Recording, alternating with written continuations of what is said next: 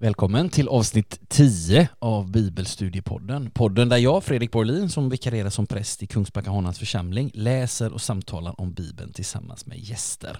I varje avsnitt så arbetar vi oss igenom ett kapitel av Markus evangeliet och idag så ska vi titta närmare på kapitel 10. Och det betyder att vi nu är mer än halvvägs på vår vandring genom Markus. Och med mig här på orgelläktaren i Kungsbacka kyrka så har jag precis som förra gången inte en gäst utan två. Välkom, välkomna Caroline och Elna. Tack. Tack så mycket. Kul att ni är här. Ja. Roligt att ni har eh, vågat er hit. Eh, jag hoppas att det, ni känner er laddade. Vill ni berätta lite kort om er själva? Ja, eh, jag heter Elna. Jag var konfirmand 2018, tror jag. Ja, det var Ja. Ja. Eh, och sen har jag varit eh, konfaledare efter det och nu jobbar jag inom Pannkakskyrkan. Ah, all right, all right. Ja, det samma gäller väl för mig. Ja. Jag konfirmerade mig 2016. Härligt. Jag är också konfaledare och pannkakskyrka och även timanställd vaktmästare. Just det. Det kan man vara medveten om att, att eh, om, man, om man tittar på gudstjänsterna här på söndagar och tycker att oj vilken bra bild och vilket bra ljud, Mm. då är det din förtjänst. För det är du som ser till att det liksom går ut i Ja. etern. Gott. Jag tänkte innan vi ska dra igång så tänkte jag fråga er, har ni något favoritbibelord ni skulle vilja dela? Elna, vad, vad säger du till exempel? Ja, jag har en eh, bibelvers eh, som jag fick från min konfirmation Yes, som är Jesaja 41.10 all right. som leder Var inte rädd, jag är med dig. Ängsla inte, jag är din Gud. Jag ger dig styrka och hjälper dig. Stöder och räddar dig med min hand. Härligt. Caroline, har du någon eh, favoritvers? Eh, Johannes 14.1. Får vi Känn ha, ingen oro, känn ingen oro. utan tro på mig och tro på Gud. Väldigt, alltså två väldigt bra bibelord här på Ja. lördagmorgonen när vi spelar in detta. Vad gott! Vi ska göra som så att vi ska, vi ska kasta oss in i Markus 10.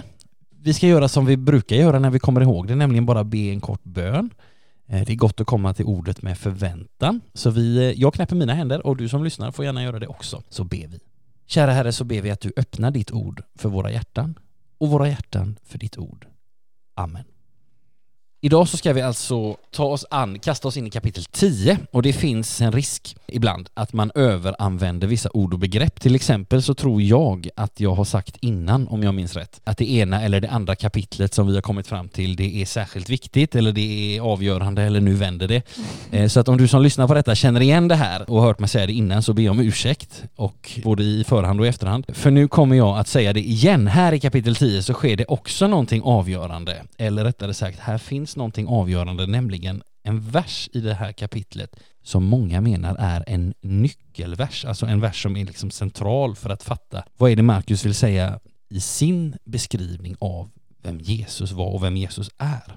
Alltså en vers som hjälper oss att förstå hela Markus evangeliet. Och det är, jag ska ta den nu så kommer vi tillbaka till den om en stund, men, men det är vers 45 och där står det så här Människosonen har inte kommit för att bli tjänad utan för att tjäna och ge sitt liv till lösen för många. Men vi väntar med att kommentera den mer ingående tills vi kommer till den. För det händer också en hel del annat i det här kapitlet. Jesus är på väg till Jerusalem nu. Han närmar sig slutmålet för sitt livs uppdrag, hans livs uppdrag som ju faktiskt är hans död. Två gånger har Jesus talat om sitt lidande för efter att så att säga poletten har trillat ner för lärjungarna när Petrus i kapitel 8 har bekänt Jesus som Messias så har Jesus nu börjat prata om inte bara att han är Messias utan vilken slags Messias han är och att lida och dö ingår i det. Så vi närmar oss sakta men säkert det där verkligt stora och centrala som Jesus ska göra, precis som Jesus och lärjungarna sakta men säkert närmar sig Jerusalem, där allt det där som är kärnan i Jesu liv och gärning, där det ska ske. Så vi kastar oss in i kapitlet och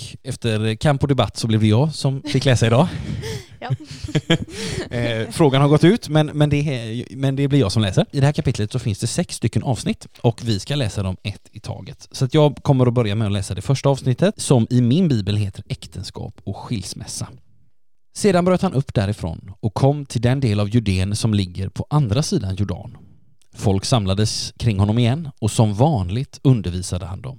Då kom några fariser fram och för att sätta honom på prov frågade de är det tillåtet för en man att skilja sig från sin hustru? Han sade, vilka bestämmelser har Mose gett er? De svarade, Mose tillåter att man skriver ett skilsmässobrev och skiljer sig. Jesus sade, ja, därför att ni är så förstockade skrev han denna bestämmelse. Men vid skapelsen gjorde Gud dem till man och kvinna. Därför ska en man lämna sin far och sin mor för att leva med sin hustru och de två ska bli ett. Det är inte längre två utan ett. Vad Gud har fogat samman får människan alltså inte skilja åt. När de kom hem frågade lärjungarna honom på nytt om detta och han svarade Den som skiljer sig från sin hustru och gifter om sig är en äktenskapsbrytare. Och om hon skiljer sig från sin man och gifter om sig är hon en äktenskapsbryterska. Yes, första avsnittet. Mm. Vad har ni för, vad, vad tänker ni när ni läser de här verserna? Det första jag reagerar på är att de vill sätta honom på prov. Just det. Det känns som något de vill göra ofta. Ja, Men varför egentligen? Ja, varför egentligen? Det är intressant, alltså det står ju, det står ju på flera ställen i, i evangelierna och vi, vi kommer märka när vi liksom jobbar oss framåt i Markus att, att Jesus blir många gånger satt på prov och han, eh, han får frågor som inte har ett så jättebra svar ibland. Det vill säga, det, det finns en sån här, till exempel den här berättelsen om skatt, skatt till kejsaren och det finns liksom, människor försöker, alltså inte minst fariseer och skriftlärare försöker liksom snärja Jesus, få honom att försäga sig så att de på något sätt kan anklaga honom och liksom röja honom i vägen. Och det har vi, vi har sett det redan och vi kommer att se mer av det och vi kommer också se att Jesus svarar med samma mynt. För han Mm. kommer att, att klura till det ganska rejält för, alltså för dem genom att ställa frågor till dem som de har lite svårt att svara på. Och sådär. Är det något annat som ni tänker på i, i, den här, i det här avsnittet? Jag tänker väl på att de eh, pratar om att man ska, alltså kärleken i livet, Ja. alltså lite mer det. Mm. Att eh, man ska hitta en annan Ja. och bli ett med det. Mm. Och att eh, det är okej att man hittar, att man ska hitta den som man känner att man blir ett med liksom. Mm, ja, precis. Det, det, är ganska, det är en ganska hög, eh, vad ska vi säga, en ganska, det är inte så här, ja det är trevligt och trevligt att vara två, då kan man ju få många schyssta rabatter och så, köp två för en och sådär, utan, nej, utan det är verkligen att man ska bli ett. Det, är, Ja. det är ju inte sådär lite, ja men lite halvseriöst, utan det är ganska, det är ganska väldigt seriöst kan man Ja. ganska väldigt seriöst kan man säga. Sen känner väl jag typ också att man, eller så att det pratas om att man ska liksom hitta Gud och att man ska bli ett med honom och Ja. det är ju att det är så här lite, alltså jag så här bara kopplar till mig själv att det är liksom att ibland kan det vara svårt men målet är ändå att man ska bli ett med honom Ja. och liksom funka. Ja, men alltså precis, alltså där finns det, man kan säga, ja, ni har säkert hört det någon gång, eller jättemånga gånger har ni kanske hört det också, det här att kristen tro är en relation. Ja. Ja, vad skönt att ni har hört det. Eh, eh, det, brukar jag, det brukar jag, en före detta kollega till mig när jag jobbade på ett annat ställe, hon, hon sa eh, Fredrik, nu har det gått en halvtimme med första träffen med den nya konfagruppen, du har fortfarande inte sagt att tro i en relation här. Börjar du bli, bör du bli snurr, gammal och snurrig? Det där är jätteviktigt att förstå och, och sen, sen så att det finns liksom, som du är inne på Elna, det finns saker som i en relation mellan två människor och i en relation med en människa, mellan en människa och Gud, att det finns saker som liknar varandra.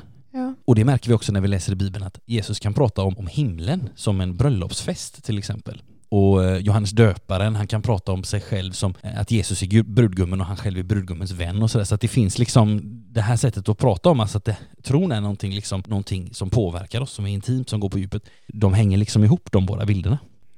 Alltså sen är ju det här alltid med, med äktenskap eftersom det är så, och även relationer i stort, eftersom det är så personligt och intimt så tänker jag att när man läser sådana här avsnitt som handlar om det så gäller det att vi går varsamt fram. Först att man går varsamt fram i liksom texten när man läser den och försöker att, det är jättesvårt, men försöker att liksom plocka av sig vad man tror att det står innan man har läst. Mm. Och att, så att man liksom uppmärksamt noterar, vad är det som händer här? Vad är det Jesus gör egentligen? Och vad, vad gör det? För ibland så kommer vi med till Bibeln med liksom, vi, vi tänker att ja, men nu står det så här och så är vi så inkörda på det så att vi, vi läser inte alltid vad det egentligen, eh, vad det, liksom, vad det verkligen står. Och om man tänker på vad som händer i den här texten, alltså utgångspunkten är precis som du sa Caroline, att det är några som kommer till Jesus och de kommer inte av nyfikenhet. Åh, vad, vad ska den här Jesus säga om äktenskapet? Utan de vill sätta honom på prov. Det vill säga de hoppas att Jesus ska säga någonting dumt. De vill ge honom, de vill inte ha någon vägledning av honom. De vill ge honom, de hoppas att han ska säga någonting så att de kan få anklaga honom. Men vad, vad tänkte då man i det här samhället om äktenskap och, och sådär? Jo, att en judisk man hade rätt att skilja sig från sin hustru. Det, är, det stod klart enligt, enligt Mose lag och det, det, det tyckte fariséerna också. Att det är klart att man ska få skilja sig. Det som man var oense om var på vilka grunder, alltså varför, när? Vad skulle ha liksom behövt hända för att mannen skulle få liksom skriva ett skilsmässobrev och kasta ut kvinnan? Det var alltså inte fråga om att båda parter hade någon möjlighet att, att styra över detta, utan det var mannen som kunde, skicka ett, som kunde skriva ett sånt här skilsmässobrev. Och de vill ju väldigt gärna veta, vad säger då Jesus om detta? Och Jesus svar, det betyder att han för in någonting helt nytt här. Han för in en helt ny synpunkt i den här frågan. Han pekar inte på lagen som ju judarna fick i öknen eller på, på Sinai berg för väldigt länge sedan, utan Jesus han går liksom ännu längre tillbaka i Bibeln. Och så pekar han på vad Gud har tänkt i skapelsen.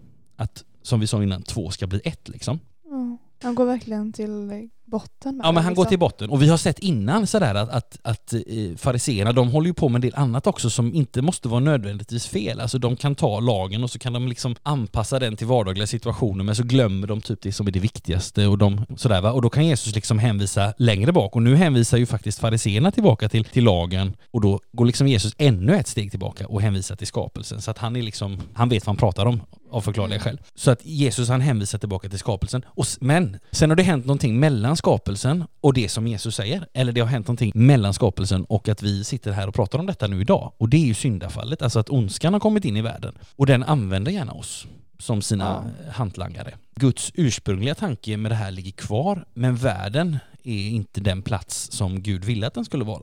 Och den Ehm. är inte det som den var då heller. Nej, nej men alltså precis. det är helt andra förutsättningar nu. Precis, och sen så finns det en tid mellan det som Jesus har sagt och att vi sitter här också. Och förutsättningarna ser, ser väldigt olika ut. Men det som Gud håller liksom heligt från första början, det klarar inte alltid vi människor att hålla heligt. Nej. Men vi kan försöka och vi kan be Gud om hjälp. Sen är det också intressant att notera att Jesus, han ger ju kvinnan en annan och avsevärt högre ställning mot vad hon hade tidigare. Eh, Jesus talar till exempel om att en man kan begå äktenskapsbrott mot sin hustru.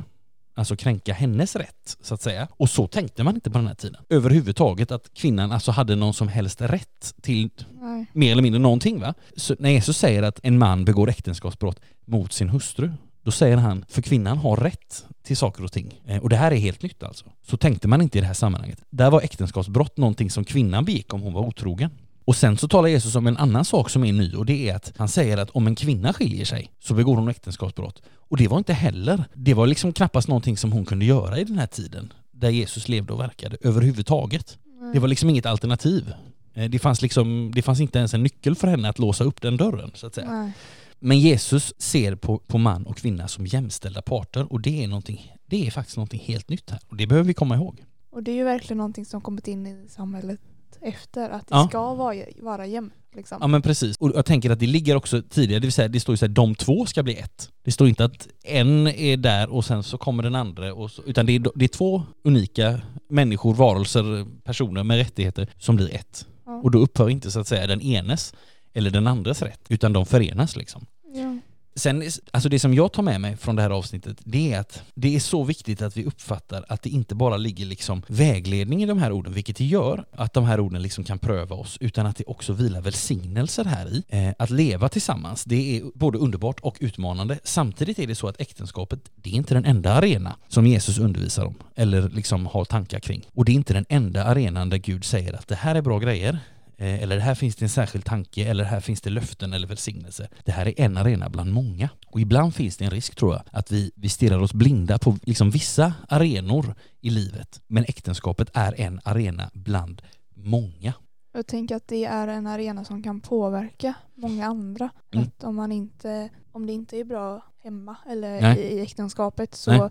påverkar det ju andra saker runt omkring. Absolut. Och att det är liksom, den arenan kan påverka mycket annat mer Mm. än vad andra arenor kanske gör. Mm. Det är en arena bland många. Det är en arena som kan påverka väldigt mycket. Inte minst också livet med Gud. Mm. Och det är en arena där Gud vill vara med, för han vill ju vara med på alla arenor. Ja. Eh, Han säger inte, ja men tisdagar jämna veckor liksom då, men annars så kör, gör vad du vill. Utan eh, han vill vara med där. Och sen så, jag tänker på ett, på ett bibelord här, så vi ska snart gå vidare till nästa avsnitt, men det finns i, står det i Predikaren 4, står det så här, en tredubbel tråd brister inte så snart. Alltså man kan låta Gud bli den tredje tråden i sin liksom Ja. två, tvåsamhetsrelation. Det är en utmanande tanke. Jag träffade, det här är en rolig grej, Eh, jag, jag träffade på ett par, de hade, de hade varit gifta i nästan 60 år. Och så, så frågade någon vad är hemligheten? Och då sa mannen så här att ja, jag frågar alltid, jag frågar min fru varje morgon om jag är hennes nummer ett. Och då säger hon alltid nej, du är nummer två för Jesus är nummer ett. Mm. Och då vet jag, åh, Jesus är nummer ett, då är det inte så dumt att vara nummer två. Och de har varit gifta i 60 år och de ser fortfarande så här härligt nyförälskade ut. Det är ändå var en ut-. Ja, det är väldigt fint. Eh, sen är det en väldigt utmanande bild för oss, men, men att, att liksom nummer ett och nummer två och sådär. Men jag tycker ändå att den är fin på något sätt. Verkligen vara en målbild också liksom. Ja men en, mål, liksom- ja, men en målbild, Mm. absolut. Gott. Har ni något mer tankar om den här texten eller ska vi rulla vidare? Vi rullar vidare. Vi rullar vidare. Nästa avsnitt, som är jättekort, heter Jesus och barnen. Det står så här. Folk kom till Jesus med barn för att han skulle röra vid dem. Men lärjungarna visade bort dem. När Jesus såg det blev han förargad och sade Låt barnen komma hit till mig och hindra dem inte. Guds rike tillhör sådana som det. Sannerligen, den som inte tar emot Guds rike som ett barn kommer aldrig dit in. Och han tog dem i famnen, lade händerna på dem och välsignade dem. Har ni, vad, vad tänker ni när ni hör de här eh, verserna? Jag tänker att man ska våga släppa in Gud tidigt Mm. i livet. Ja. Men att det kan vara läskigt eller eh, något nytt och eh, ovant typ. Mm. Eh, och det är väl något jag även kan koppla till mig själv eller så här, tänka för mig själv att det är Mm. liksom, ja jo jag döptes när jag var liten och så Ja. men jag har egentligen inte haft något, någon relation till det förrän jag konfirmerade mig Nej, egentligen. Nej. Och att man liksom ändå ska våga. Eh, men att det, att det är så här, det är nytt och det kan vara, inte obehagligt men läskigt kanske. Mm. Vad tänker du Caroline? Nej, men jag tänker att barn är ofta kravlösa. Ja. Och vi har liksom inget krav på motprestation för att få komma in i Guds rike. Nej. Det är lite så jag tänker mest. Ja. Jag tror att det ligger en nyckel i det du säger. Det här att, att barn är kravlösa, det vill säga vi, vi vuxna, vi har ibland en tendens att, att tänka så här, vad, vad tjänar man på det? Vad får jag för det? Jag ska jämföra lite alternativ. Vad är motprestationen? Barn är ju på ett sätt, de är kravlösa, de är också beroende. Det vill säga, de, de, de kommer inte med sina, i alla fall inte ett litet barn som man döper, kommer ju inte, säger ju inte när jag döper, ja men eh, innan du döper Fredrik så ska jag bara säga att jag har massa bra egenskaper och jag har gjort så mycket bra. Du anar inte, det här förtjänar jag, det här, nej, utan det är ingen människa som förtjänar det Gud ger. Gud ger det i alla fall. För att han är liksom, och, och man kan säga, skulle man liksom vända lite på perspektiven i den här texten så kan man säga så här, det är inte de, det är inte de små som ska bli stora utan det är de stora, det vill säga de vuxna, som ska bli små. Så att Gud kan bli stor. Alltså. Bo- Alltså Johan, Johannes döparen som är lite min favorit ibland, han efter Jesus då, han säger så här på ett ställe att om, om Jesus säger så här, han ska bli större och jag mindre. Alltså att det, det, och, och där, det påminns vi om när man, när man läser sådana här texter att det är liksom, det är inte bara så att Jesus säger inte bara att ja men barnen de kan få vara med lite också på ett hörn utan nej men Guds, rik, Guds rike tillhör sådana som dem och så säger han sannoliken den som inte tar emot Guds rike som ett barn kommer aldrig dit in. Alltså det är inte bara så att ah, okej barn, barnen kan liksom haka på lite grann Nej. på ett hörn utan de, De, är, är, lika faktiskt viktiga de Ja men precis, och de visar vägen. Alltså de Ja. är liksom de som är mönst- mönstret för alltså hur det, hur det ska vara liksom, eller hur, hur man kan ta emot det här. Ja och hur, det, hur man kan visa upp kristendomen i nutid. Mm, Och att de, de blir ju det nya, den nya vägen. mm. För det är ju genom dem som det kommer utvecklas så att de är, lever ju i deras tid liksom. Ja men verkligen. Den här, den här texten läser man ju alltid när, när man döper små barn. Det här att Jesus tog dem i famnen och lade händerna på dem och välsignade dem. Och så gör man ju precis det. Och då liksom lägger man handen på huvudet på barnet och så ber man. Och så får de korsets tecken så här på pannan och munnen och hjärtat som ett tecken på Guds beskydd över tankar, ord och gärningar. Så att det, det här är en, liksom en väldigt, väldigt vanlig det här är en text som man hör ofta, om man, i alla fall om man som jag är ganska ofta på dop. Men vi, vi går vidare. Då kommer vi till texten En man som ägde mycket. När han skulle fortsätta sin vandring sprang en man fram och föll på knä för honom och frågade Gode mästare, vad ska jag göra för att vinna evigt liv? Jesus svarade Varför kallar du mig god? Ingen är god utom Gud. Du kan budorden, du ska inte dräpa, du ska inte begå äktenskapsbrott, du ska inte stjäla, du ska inte vittna falskt, du ska inte ta ifrån någon det som är hans. Visa aktning för din far och din mor. Mästare, sade mannen, allt detta har jag hållit sedan jag var ung. Jesus såg på honom med kärlek och sade, ett fattas dig. Gå och sälj allt du har och ge åt de fattiga, så får du en skatt i himlen. Kom sedan och följ mig. Vid de orden mörknade mannen och gick bedrövad sin väg, för han ägde mycket. Jesus såg sig om och sade till sina lärjungar, hur svårt blir det inte för dem som har pengar att komma in i Guds rike?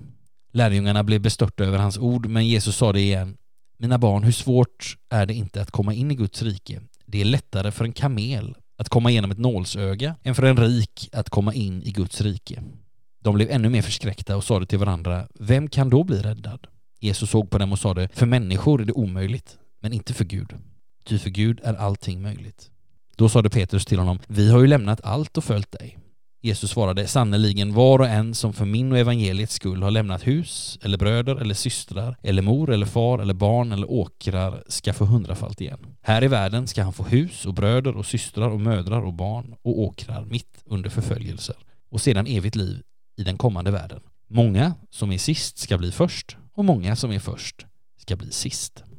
Men jag tänker att eh, det är viktigt att ta fram att eh, det är inte pengar, så, eller alltså det är inte pengar som gör oss eh, rika och nöjda och glada utan det är kärleken till och för varandra. Ja. Och det är så vi växer. Mm. Vad tänker du Caroline?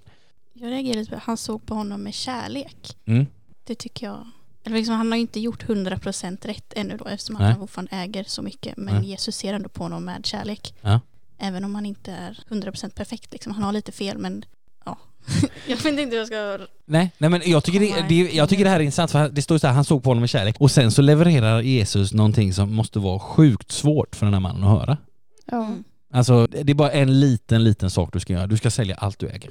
Alltså ja. det- och så det- när man tänker att man har gjort allting, man Mm. tänker att man är klar, liksom. man har gjort Ja. allt och så bara nej, det var visst en del kvar. Det var visst en del kvar.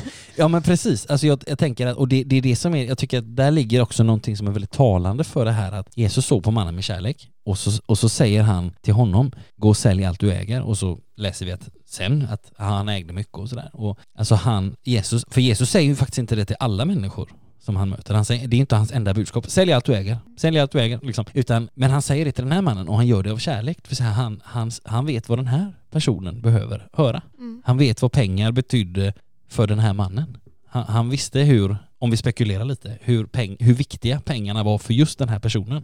Och det är därför som han utmanar honom i just det. Liksom. Mm. Sen, är inte, sen är ju pengar en sån här klassisk grej som att vi kan alla bli ganska fixerade vid det. Men, men sen finns det de som har liksom, nej, de har inte jättesvårt för det här med pengar utan det är någonting annat som de har svårt för, som de behöver utmanas i liksom. Men Jesus vet ju, det är därför han kan säga detta och han kan säga det med kärlek. Mm. Sen använder Jesus en ganska schysst bild det här med kamelen och nålsögat. Det är en ganska tydlig bild att det här är inte helt lätt. Nej, Ta, ta en inte. kamel och så tar du en liten, liten nål och så försöker du att börja kanske från huvudet. Nej, vi får prova benet. Nej, det gick inte. Vi prövar svansen. Nej, det gick inte där heller. Alltså man har försökt, det, det är roligt, det finns jättemånga sätt att, att, att tolka den här texten. Eh, jag har hört hur många som helst. En är så här att nej men det, det har blivit något fel här för att kamel på grekiska, alltså Nya Testamentet är skrivet på grekiska. Kamel heter kamelos och rep heter kamilos, alltså det är bara en så att man menat en re, man har menat ett rep och ett nålsöga. Men då är ju problemet att ett rep är ju inte en sytråd, så att den bilden blir fortfarande svår. Sen är det någon som har sagt så att jo men det här med, med kamel och nålsöga det är ju att det fanns ju en, en port i Jerusalem, alltså det finns ju, det fanns ju en mur runt Jerusalem Mm. och det fanns olika portar. Och en av de här portarna var, kallades för nålsögat för att det var så smalt och där fick alltid, alltså skulle man komma in med kameler där så fick de alltid liksom på något sätt krypa in. Ja. Och jag, alltså det, är- det är ju lite roligt att man kan vara lite kreativ med vad Bibeln... Fast jag tänker att, Det är verkligen så här fria tolkningar. Så det är ju man tagit en liten del från texten och så spint vidare på det. ja men precis, och jag tror att man missar, jag tror att man missar det, det är liksom som är nyckeln här, för i vers 27 så står det så här, för, för lärjungarna blir förskräckta och sa till varandra, vem kan då bli räddad? Och då säger Jesus, då säger Jesus så här, för människor är det omöjligt, men inte för Gud. Alltså poängen är att det är omöjligt för människor. Ja. Så att även om vi gör om, så att säga, även om vi gör om kamelen till ett rep eller om vi gör om nålsöga till en väldigt, väldigt liten men ändå en stadsport som det går att gå in i för en kamel, så är poängen fortfarande, nej men det är omöjligt detta. Och det, det, men, det är för, men för Gud är det möjligt liksom.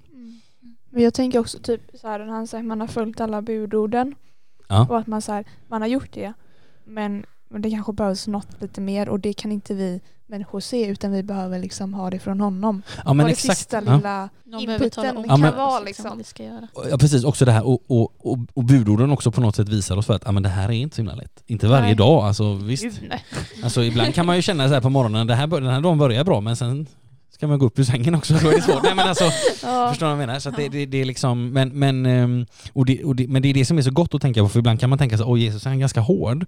Alltså han säger ju till den här mannen något som är jättesvårt att höra och han kan vara ganska hård mot andra ibland också. Men, men, då, men då är också, då måste man alltid tänka in att fast Jesus vet ju bättre än vad vi gör vad en människa behöver, verkligen behöver höra. Och därför kan han säga saker med kärlek liksom, verkligen. Mm. Just det, sen är det ju, sen är det ju, det här kan ju vara, det här är en utmaning för oss också, liksom, hur, eh, att inte bara det här att sälja allt man äger, utan också det här att Petrus han säger ju så här, vi har ju lämnat allt och följt dig. Och då säger Jesus sannerligen var och en som för min och evangeliets skull har lämnat hus och bröder och systrar och så vidare. Det är också en ganska, ut, alltså det är ju inte, vad ska man göra av är ju det liksom? inte en självklarhet. Nej. Nej. Och hur tänker man då? Alltså jag tänker så här, Jesus han talar här om det som kanske för oss är märkligt, men som Mm. för andra människor kan vara gott att höra.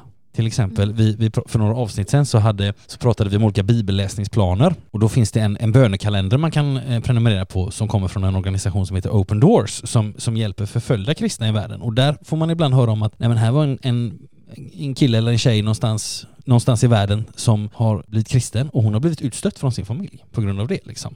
Mm. Och en sån person behöver ju höra de här orden. Sen ska vi vara medvetna om att till exempel, det är ju kapitel 5 också, för att stanna där, att Jesus säger ju till den här mannen som han har hjälpt där att ja, men gå hem till de dina. Berätta för dem vad du har varit med om. Alltså så att det, det, är inte, det här är inte liksom, det här betyder inte att alla människor i, nu ska liksom unfrienda sina släktingar Nej, och, nej. och, och Men flytta ut i... efter, efter sin situation som man är i liksom. Ja men precis, och det här, jag tänker att det här är en verklighet för i vissa delar av världen och det är gott för dem att höra det och för oss kan det bli så här, åh vad skönt att det inte är så för mig. Ja. Alltså så faktiskt. Sen, så, jag- sen kommer det in tillbaks, vi ska strax gå vidare, men, men det kommer en intressant eh, grej här i slutet. För att Jesus säger det här som är lite klurigt också. Många som är sist ska bli först. Och många som är först ska bli sist. Jag tolkar det typ lite hur man, vad man prioriterar i livet. Typ. Alltså om du prioriterar familj och vänner först. Eller Mm. du prioriterar eh, typ jobb. Mm. Eller vad man ska säga. Ja. Att tjäna pengar Ja. först. Och beroende på vad du prioriterar så kommer du också få, få möta det som är viktigt för dig i olika tider i livet. Ja men absolut. Och jag tänker, alltså det här är också en, en alltså vi har, vi har liksom i avsnittet innan så hörde vi så här, hmm, vuxna ska bli som barn. Mm. Eh, alltså det är liksom så här, det kan ju vi tycka så, ja det var ju, eh, det var ju intressant. Eh, alltså på den här tiden, barn, alltså de var ju mest i vägen. Alltså för de kunde inte, de kunde inte liksom hjälpa till att arbeta och försörja familjen liksom så att det var, Nej. alltså barn hade inte någon status som, som vi tänker idag, att men barnkonvention och alltså det är ju massa bra grejer men Mm. det fanns inte på den här tiden. Alltså, eh, och att säga till vuxna på den här tiden att ja, men ni ska bli som barn, alltså det var ganska provocerande förmodligen. Jag tänker att det barnen har är att de har relationer Ja, och de har vänskap. ja men precis. De har inte, eller de, de tänker inte mycket på idag eller i må, den här månaden känner jag så här mycket. Nej, nej, men precis. Nej, nej, men företaget, exakt. Utan där är bara vänskapen och relationerna är viktiga. Ja men precis. Och jag tänker Jesus han har liksom vänt upp och ner på flera saker här. Han har liksom sagt till vuxna bli som barn. Han har sagt eh, kvinnor har en rättigheter. Han har sagt till sina lärjungar tidigare, den som vill liksom vara den främste, den högste, han ska vara lägst av alla. Och nu säger han den första ska bli sist. Alltså i Guds verklighet, i Guds rike så, så gäller en liksom en omvänd ordning eller en omvänd logik. Alltså vi behöver på ett sätt lära oss att tänka på ett annorlunda sätt för att mycket av det som gäller i den här världen med status och prestige och sådär, ah, det, det, det funkar inte i- Guds sammanhang liksom. Och här får vi en liten påminnelse om det. Ska vi gå vidare? Tycker jag. Yes. Och då ska vi läsa Eh, den, det korta avsnitt som heter Tredje förutsägelsen om Människosonens lidande. Och det står så här. De var nu på väg upp mot Jerusalem och Jesus gick först. De var fyllda av bävan och de andra som följde med var rädda. Då samlade han de tolv och talade om för dem vad som skulle hända med honom. Vi går nu upp till Jerusalem. Människosonen ska utlämnas åt översteprästerna och de skriftlärda. Och de ska döma honom till döden och utlämna honom åt hedningarna som ska göra narr av honom och spotta på honom, prygla honom och döda honom. Och efter tre dagar ska han uppstå. Ja. Tankarna om detta? Han vet ju vad det är han går mot eller vad som komma skall. Ja, jajamän. Det står till och med att han gick först. Ja. Mm. Tänker att det är eh, alltså att det är starkt av honom att göra det. Ja, jag vet inte riktigt. Nej, nej men alltså det är väl en utmärkt sammanfattning. Starkt jobbat. Ja. Men hemskt också, eller läskigt. Det måste vara jättejobbigt att veta liksom att man Ja. har ett, alltså veta när man ska dö liksom Ja. och veta att det är länge. Ja. Det måste vara jättejobbigt att gå med tänker jag.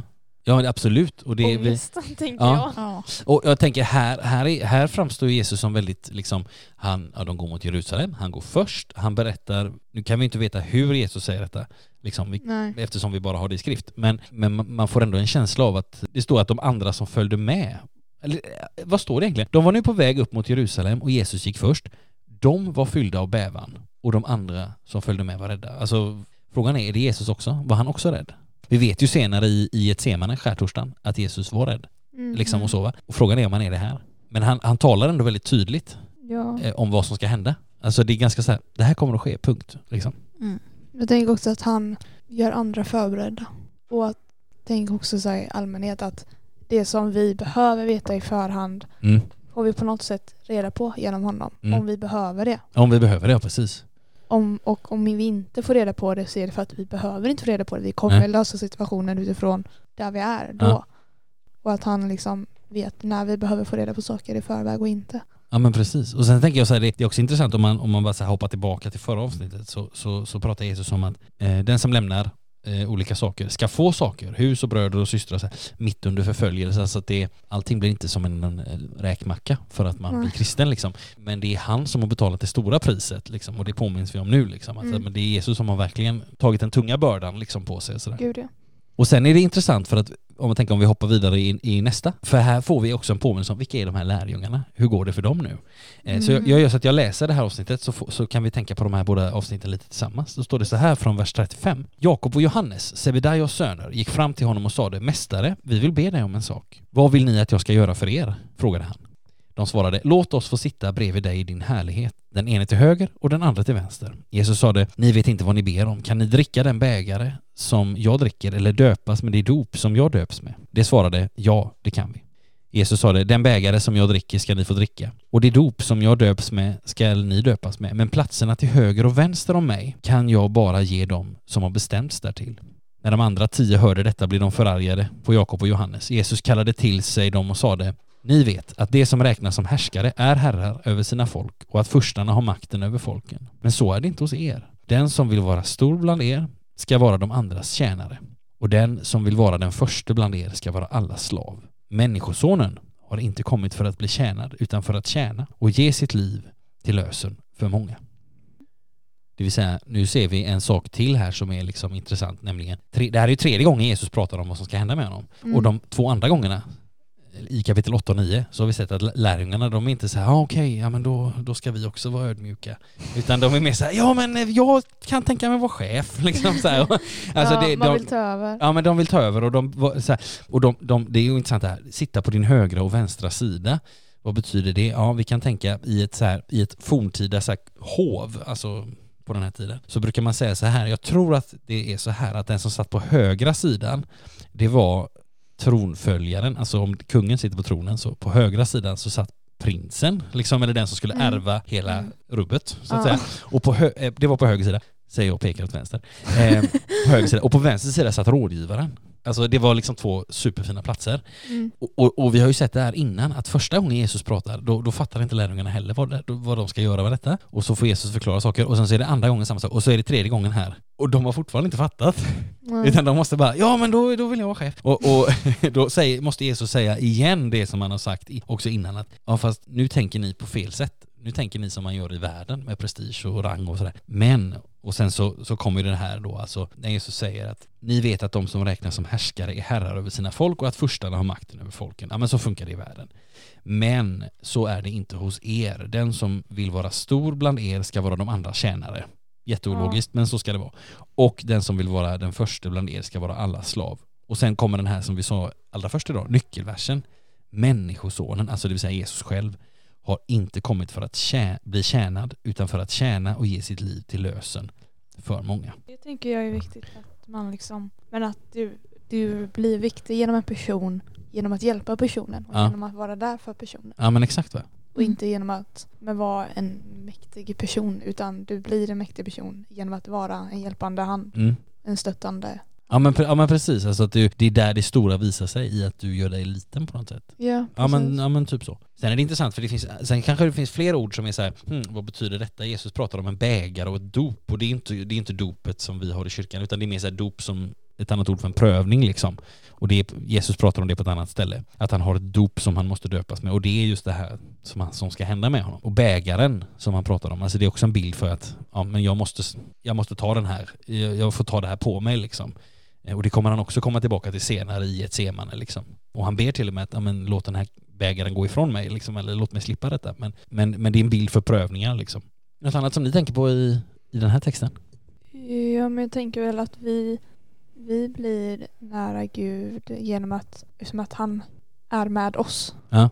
hela tiden. Så att vi är, vi är, vi är aldrig vid Gud i praktiken, eller så Nej. konkret, men han är ändå alltid vid oss för Ja. att han har varit där vi är. Ja. Och på så sätt så är vi nära honom. Ja men det är jag vet inte så om det hänger ihop. Jo men det, jag, ja. jag tycker absolut det hänger ihop, alltså just Ja. det här att, att han har varit som en av oss som du säger. Ja, alltså att han, han, vi kan vara säkra på att han vet hur vi har det. Alltså Ja. han var ju människa själv. Det är inte så här, Ja. nej men jag sitter på mitt moln här och kollar in lite hur det verkar. Nej, utan han har liksom varit där vi är nu och på så Ja. sätt så är vi nära honom. Och genom att vi gör uppoffringar för andra som han gör uppoffringar för oss så kommer vi närmare honom. Ja men precis, alltså det, jag tänker att det är väldigt så här, bra sammanfattat. Ja, tack. Sen, är det, sen kan man, det, man kan bara så här stanna upp vid en sista sak så här. Ge sitt liv till lösen för många står det. Ja, vad, många, vadå många? Hur många är det då?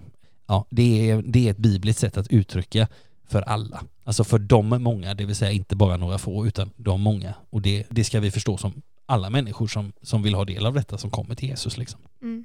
Ska vi gå på den sista texten? Ja. Då ska vi läsa den sista texten eh, som i min översättning heter Den blinde Bartimaios utanför Jeriko botas. De kom till Jeriko och när han tillsammans med lärjungarna och en stor folkhop lämnade staden satt där vid vägen en blind tiggare, Bartimaios son till Timaios. Då han fick höra att det var Jesus från Nasaret började han ropa Jesus, Davids son, förbarma dig över mig.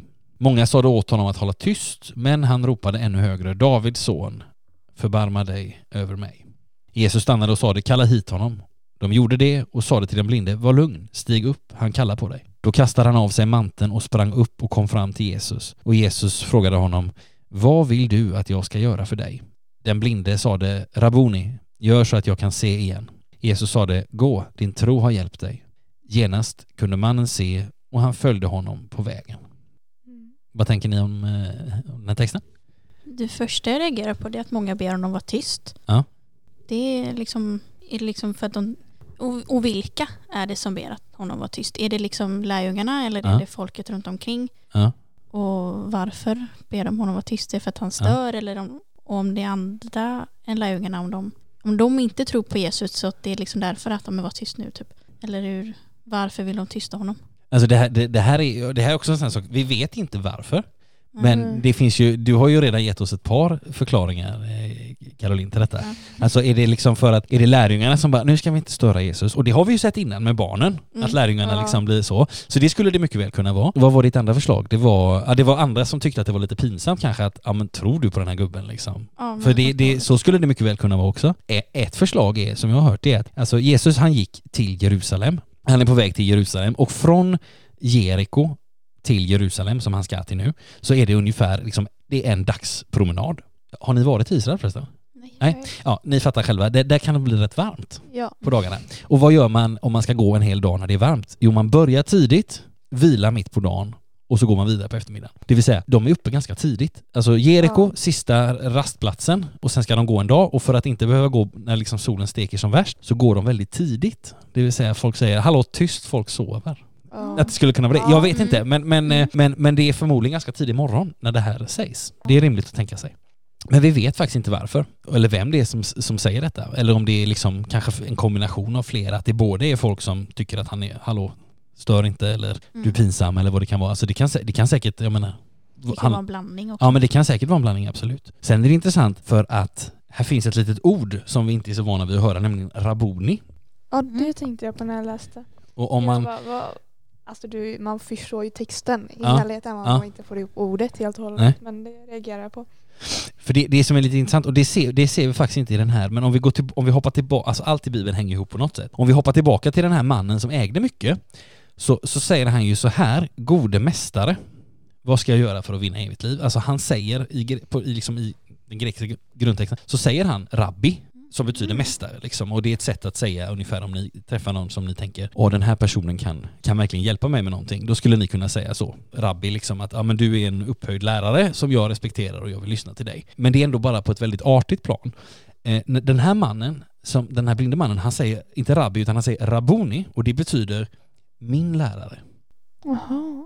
Alltså det är mera intimt. Okej. ja. Alltså han, han, det är liksom ännu mer ära, han är liksom ännu mer hjälpbehövande eller desperat. Så därför säger han inte rabbi, mästare, utan han säger rabuni, Ja. min mästare. Alltså det är ungefär som att skilja på att kalla någon kära du eller min kära.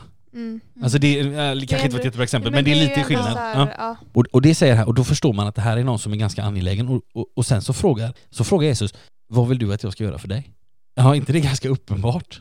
Alltså Ja. hallå, liksom. Men där i ligger någon slags... Men Ja, jag tänkte säga att där ligger det någonting i också att man, han har respekt. Att det liksom inte bara tar för sig utan att det är liksom du Mm. får komma till mig. Ja men precis, och just det här att, att inte bara, ja ja okej då, tjong, så kan han se. Utan, utan liksom, nej men alltså det, det ligger som du säger, eh, eller en- det ligger en djup respekt här i. Ja. Alltså, vad, vad är det du vill att jag ska göra? Han tar sig, alltså alla andra människor i den här texten, vad vi vet, har sagt till honom, tyst. Mm. Jesus säger, vad vill du att jag ska göra för dig? Alltså mannen behövde inte bara få sin syn tillbaka, Nej, jag han behövde bli sedd själv också. Ja, och jag tänker så här att i vad som helst om man behöver hjälp i en typ skoluppgift och det, om man jobbar med en uppgift av vad man behöver hjälp i med uppgiften. Ja. nej, jag behöver hjälp med kärleken om livet. Inte Ja. nu på svenskan utan nu Nej, behöver jag hjälp nej. med det här liksom.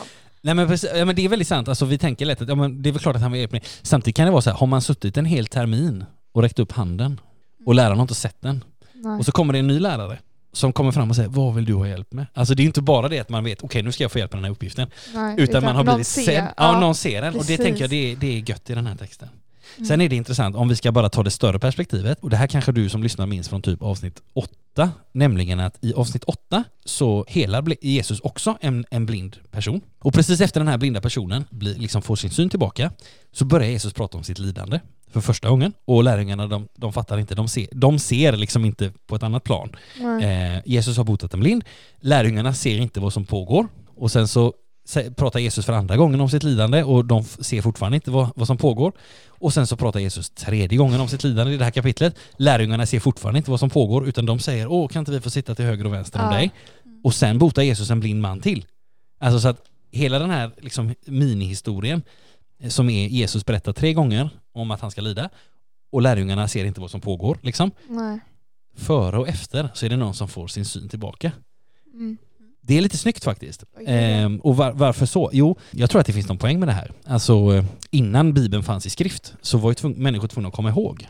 Och det här kan också vara ett sätt att liksom minnas som en minnesregel. Vad, vad, hän- vad var det som hände Jesus? Jo, han pratar ju tre gånger och lärjungarna de ser inte vad som pågår men däremot så både före och efter så botar Jesus en blind man. Ja, alltså Mm. det, det är lite, den Mm. är lite, jag tycker den är lite snygg sådär. Men jag tycker också att det blir så här tydligt att han hjälper dem som verkligen vill nå till honom. Ja. Och att det är så här, han går inte till vem som helst. Nej. Och det är så här, du kan inte ta det för givet att han kommer utan du får liksom vilja Ja men att precis. ska komma och du Mm. får liksom jobba för det.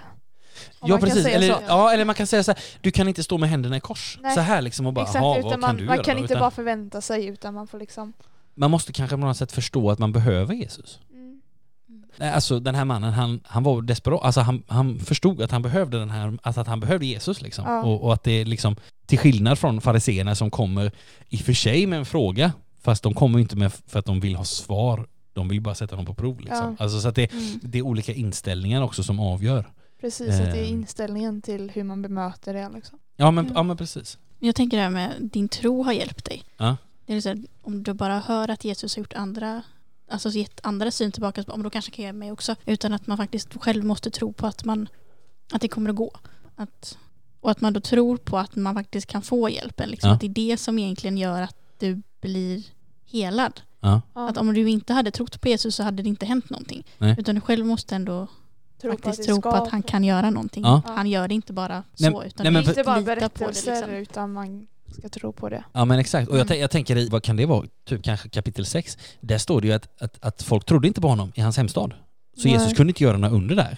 Alltså Mm. han, kunde, han kunde bota någon sjuk och så här, men, men, men han förvånar sig över att folk inte tror och han kunde liksom inte utföra några så här kraftgärningar. Eh, Och det beror ju inte på att, tänker jag, att, att, liksom, ja, att Jesus inte har den makten utan men våran tro är också liksom kanalen för Guds verksamhet liksom. Mm. Sen ska man skilja på, och det kan också vara viktigt att säga, sen måste man skilja på, för Jesus kan ibland säga sådana utmanande saker som att eh, har ni bara tro så kan ni säga till det här berget, eh, kasta det i havet liksom. Eh, Och då Mm. kan det vara så att människor provar det och så tänker de, nu flyttar inte berget på sig, är det fel på mig? Nej, alltså man måste skilja på den, den tron som liksom räddar oss in i, i relationen med Jesus och den undergörande tron som är en särskild gåva och det utvecklas ju i breven sen. Mm. Paulus skriver om det. Och, att- och att bara för att jag då, och jag kan ju erkänna det då, att jag har inte lyckats flytta några berg, men jag har ändå en relation med Jesus. Alltså Ja. förstår du vad jag Mm. menar? Och, och nu vet inte jag om ni flyttar berg, men om ni inte gör det så, så betyder inte det att, att ni inte har en relation med Jesus. Nej. Bara så att, och det gäller även ni som lyssnar då. Mm. Alltså att, så att man ska skilja också på den liksom tron som gör att jag får kalla Gud för min Gud och den liksom undergörande tron som är någonting annat liksom.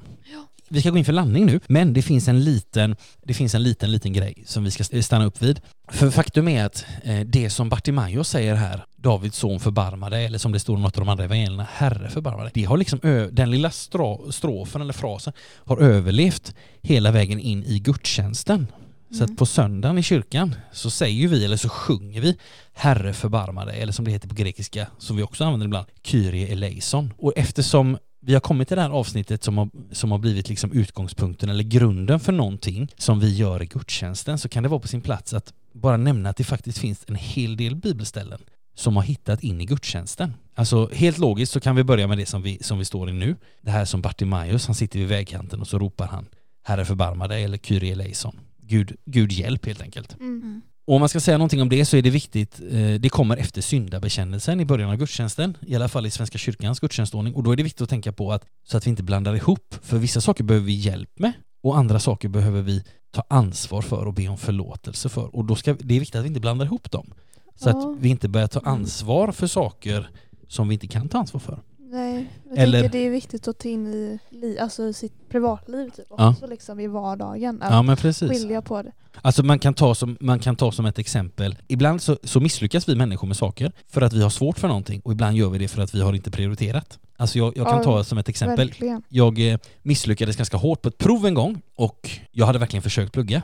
Och jag, så pratade jag med en, med en präst och han sa så att Fredrik du ska inte be om förlåtelse för att du har svårt för det här ämnet eller så va?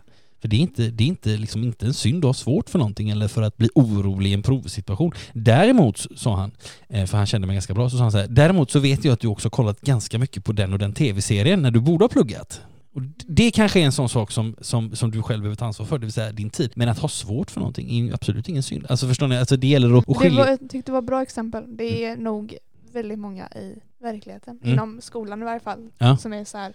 Ja, nu gick det här inte. Mm. Varför? Mm. Där är det viktigt att man liksom inte tar, försöker ta ansvar för sånt som inte är ens ansvar. Och ibland kan det till och med vara så att oj, men jag vet inte om det här är ett hjälpämne eller ett förlåtämne. Och då kan vi be Gud om hjälp att se om det är ett hjälpämne eller ett förlåtämne. Mm. Alltså det står så här i Romarbrevet 8, så, här, så står det så här. På samma sätt är det när anden stöder oss i vår svaghet. Vi vet ju inte hur vår bön egentligen bör vara, men anden vädjar för oss med rop utan ord. Och han som utforskar våra hjärtan vet vad anden menar eftersom anden vädjar för de heliga så som Gud vill. Alltså Gud hjälper oss även att när vi inte ens vet vad vi ska be. Så då kan vi också be om det. Liksom. Ja, nu var vi i gudstjänsten, jag, jag spinner iväg. Men, för det finns fler moment, förutom det som Bartimaeus ropar så finns det fler moment i gudstjänsten som kommer ifrån Bibeln. Vi har ett, ett moment som brukar kallas för gloria eller ära, det är när prästen sjunger ära åt Gud i höjden och frid på jorden och så vidare. Och så svarar församlingen med att sjunga någonting. Det kommer ju från det som änglarna sjunger julnatten, första julen. Mm. Lukas 2. Vi har ju bönen Vår Fader eller Fader vår, den kommer från Matteus evangeliet 6. Vi har, om det är nattvard så sjunger, sjunger man Helig, helig, helig i Herren Sebaot, himlarna och jorden är fulla av hans härlighet. Det kommer från Jesaja 6. När det är nattvard så läser prästen instiftelseorden som också finns i Matteus och Markus och Lukas. Och innan, precis innan man går fram till nattvarden så, så sjunger man också O Guds lamm som borttager världens synder och det är ett eko av något som Johannes döparen säger i Johannes evangeliet 1. Alltså det finns, så det finns massa sådana här saker som har liksom hamnat in i våran gudstjänst, i Svenska kyrkans gudstjänst och i många andra kyrkors gudstjänst också, som kommer från Bibeln. Och det här som Bartimaeus ropar allra sist i, i Markus 10, det är ett sådant ord. Så det använder vi ganska ofta. Yes, vi börjar gå in för landning. Ja. Har ni något mer som ni vill tillägga om något?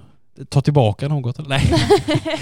Nej. Nej, inte så. Nej, i så fall så vill jag tacka er så jättemycket, Elna och Caroline, för att ni kom hit. Ja, tack. Väldigt roligt att ha er här.